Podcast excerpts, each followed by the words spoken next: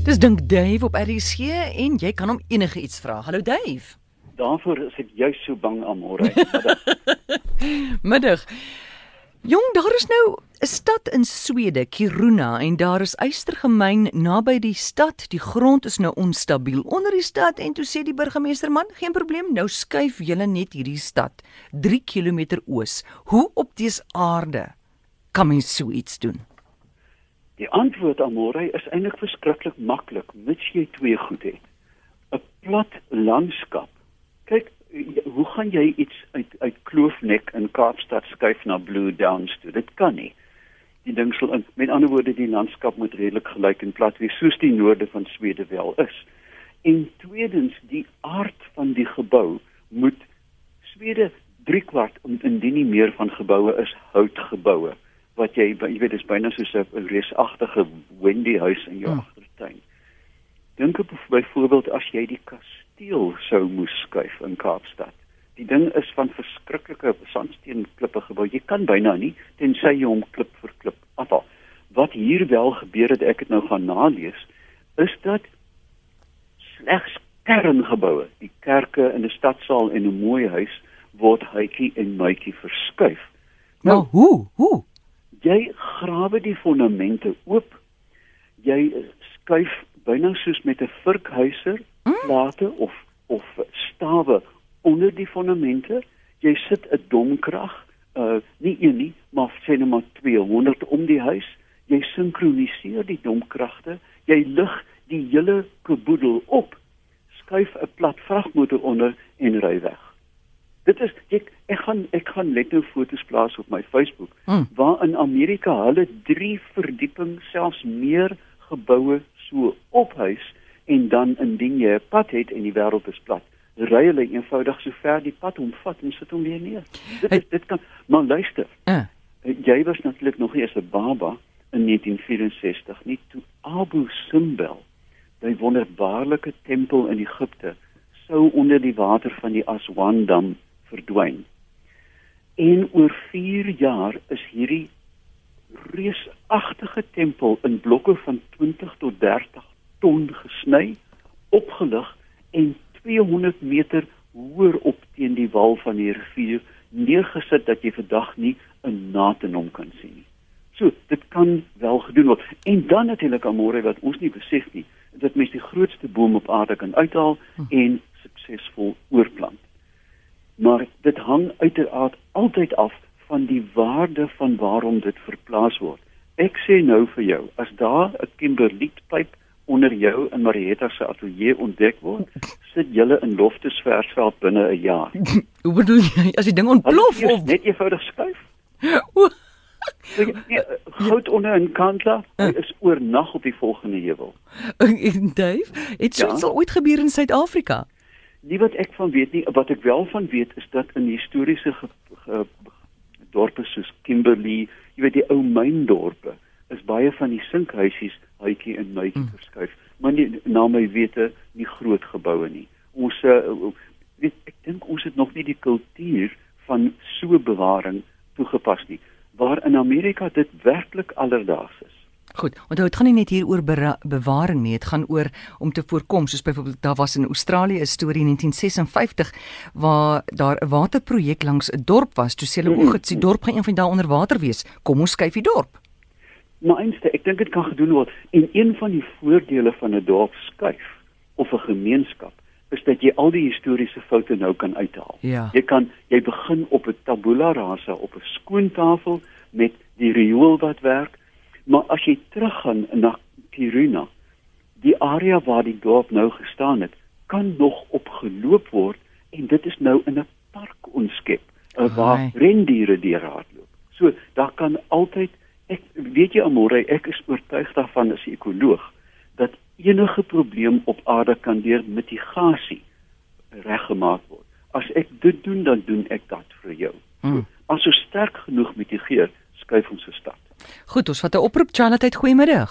Uh, goeiemôre, môre. Dis uh, eh, Nikki so van Pretoria. Oh, ek wil graag vir Dave 'n snaakse vraag vra. Ek was onlangs in die wildtuin gewees, hoofsaaklik tussen Skukuza en Satara. En ek het daar uh, kringe groot kringe 30 meter deursnit gesien van bome wat net dood eenvoudig dood lê plat getrap omgestoot en afgebreek blykbaar deur die olifante dit lyk ek ek kry die idee asof daar 'n paar olifante beserk geraak het en alles net verwoes het en gepat het daar is tussen tussen by die naby Chokwan is daar 'n plek wat seker omtrent 1 en 'n half uh rugbyveld grootte is wat uh net dooie bome lê. Dit is lê wat dit lyk soos dooie bene wat daar lê. Daar's net hier en daar staan daar 'n groen boom. En jou vraag nik? Ag ek wil net weet hoekom gebeur dit? Hoe is dit? Maar daar is so soveel ek was eintlik geskok om te sien hoeveel dooie bome daar langs in daai tyd iewe daar langs hmm. langs, langs die paaie is. Dave? Ja, nee, ek hoor nik luister gou hier. Vir 'n ekoloog. Ek luister oor die radio. Goed. Vir 'n ekoloog is daar niks so mooi soos gebroke veld nie. Nou dit klink snaaks. Ons westerse oog is geneig om te kyk na die heining sê, "Ooh, daai heining moet geknip word, die paadjie moet gevee word." Jy verstaan, hmm. steek af daai akkertjie met 'n graaf dat dit lyn reguit kom. En die oomblik as ons in die natuur kom, is dinge chaoties. Die wanneer groot aantal olifante deur 'n landskap beweeg, nekel hom op, jy het geen hulle breek, trap, stoot, uh, bemis, urineer en dit is net wat die natuur soek, want waar daai boom omgeval het, is hmm. dit nou 'n veilige hawe vir gras om op te kom. Hier kan saad vorm hier kan gras vaswaai, hier kan die spinnekop sy wet maak. Met ander woorde, die oomblik as jy die natuur versteur, die natuur versteur, is dit altyd 'n teken dat die natuur aan die beweeg is. As jy hom oorbeskerm, raak die bome te groot, hulle gooi te veel skaduwee van die grasspesies, mm. bolplante sterf uit. So uh, natuurlik as daar te veel olifante is, moet jy plan maak. Maar eintlik nie volgende keer as jy deur hierdie verwoesting ry, stop en kyk fyn en jy sien die wonderwerk voor jou oë gebeur. Dis baie interessant. So as die natuur versteur raak deur homself, né? Nie deur 'n pad wat daar gebou is of so iets nie. Amore dink aan die Karoo. Ja. In die ou dae kom daar, ja, hoor jy op die radio, dit dit dit dit dit mm. daar is 'n reuse uitbraak van sprinkane. Jesus, die boere soos hulle gesê het, gooi witgif, né? Die verskriklikste goed. Die Karoo is ingestel op versteuring, twee soorte. Die een as reën kom, versteur dit die dormansie as goed wakker word en die sprinkaan en die trop springbokke wat soos jy in 'n tuin om 'n plant te laat groei om vinnig snoei en kos gee die sprinkaan vreet die blare af maar hulle mis daar so eintlik moet jy weet wie die Engelse sê take the punch hmm. mens moet kan sê ons gaan vasbyt want eintlik is dit 'n natuurlike impuls in die natuur of 'n puls altans Goed, ons wat nog 'n oproep oopsie. Er is hier goeiemôre. Goeiemôre, môre. Hi. As weer Kevin hier so van Aniston. Yes. Môre ek net 'n ding vra. Ek was onlangs was ek by in in George by 'n bekende restaurant en daar so was so 'n paar voeltjie van die klein mossies wat daar rondgevlieg het en jou bietjie kom plan so en maar wat ek wat ek besef het dat uh, uit uit die klompie voels was daar so drie voels en hulle het uh, gebreklike voetjies gehad. Ja, ja. Goed en en jou is jy klaar Kevin? Dit is korrek ja, al al al al die al die al die galle blinkie, so die twinkies hmm. kom net amper so stomp, stomp voetjies. Ja. Goed. En jou vrou val dit dat dit miskien 'n siekte wees of wat ja. kan dit dan wees? Ek gaan nou vertel. Goed, Kevin. Ek sal by die radio luister môre. Goed. Kevin.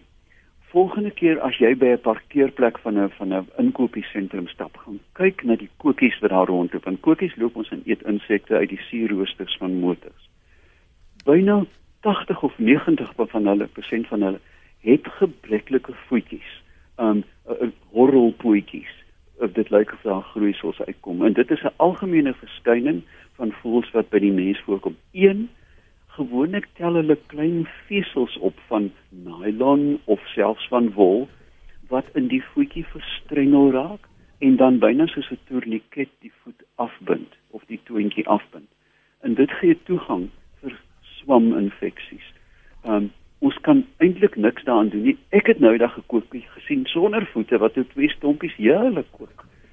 ook 'n koekie, 'n uh, hoppekoekie, mikkekoekie. In elk geval, ehm um, so dit is ehm um, dit is die prys wat ons betaal vir wilde diere wat in die teenwoordigheid van die mens voorkom. Daar is ook vermoede dat die harde oppervlak soos teer en beton wat hulle oploop ook, ook die voete kan beskadig. So, ehm um, dit help nie om hulle te vang en reg te maak nie. Jy gaan dit heel moontlik erger maak. Ons moet dit eenvoudig aanvaar. Charlotte, goeiemôre. Goeiemôre, môre. Hi. Ek net 'n baie vraag. Sit gou jou radio af asseblief. Ek maak so. Goed. Ek wil net vir jou vra ek in Suid-Kaap groot geword. Nou ek is van Woester nou en uh, daar soms van die jaar is daar bosduwe. Hulle vlieg die bessies van die bome, maar as die bessies af is, op is, dan sit dan hulle weer weg. Dan wil ek weet waar jy gaan hulle na die bessies af is en hoe get hulle aan die bessies reg is. Baie dankie. Die radio. Goed, dankie. Dave. Dis 'n lekker vraag weet jy Amore, ek woon ook in 'n bos, maar nou wel in Stellenbosch. Ehm um, en net eenmal die jaar verskyn die geel die geelbekbosduif, die Ramaran pigeon die bitterduif hier by my. En dit is presies wanneer die wille olywe hulle vruggies laat val en dra. Nou die beste voorbeeld van diere wat weet waar kosvoorrade ryp word is natuurlik die primate binne in 'n woud gorillas, sjimpansees het 'n groot plan in hulle kop en uh, op die 12de te sê hulle kyk ons moet nou 'n bietjie gaan kyk die piesangs word ryp of wat ook al. Maar 'n mens moet nooit vergeet terwyl jy nie kyk nie, byna terwyl jy slaap, is diere altyd aan dit beweeg. Daar's altyd iemand wat rond beweeg en kyk. En dan wanneer die bron van die kos ontdek word, is daar aktiwiteit wat ander lok. Hulle is daar in die omgewing, maar nooit in soveel groot groepe nie, want dit is die voedselbron wat hulle konsentreer, nie hulle gedrag nie. Hm. Dis interessant. Dave, ek moet jou groet. Maar my magtige amore, ek ek voel of ek skotvry afgekom het vanmiddag. Man, 10 uit 10 vir jou, volpunte. dit was baie lekker. Selle hierso. Lekker, lekker aan. Selfde, dis Dave Peppler en jy kan hom besoek op Facebook, sy naam, Dave Peppler.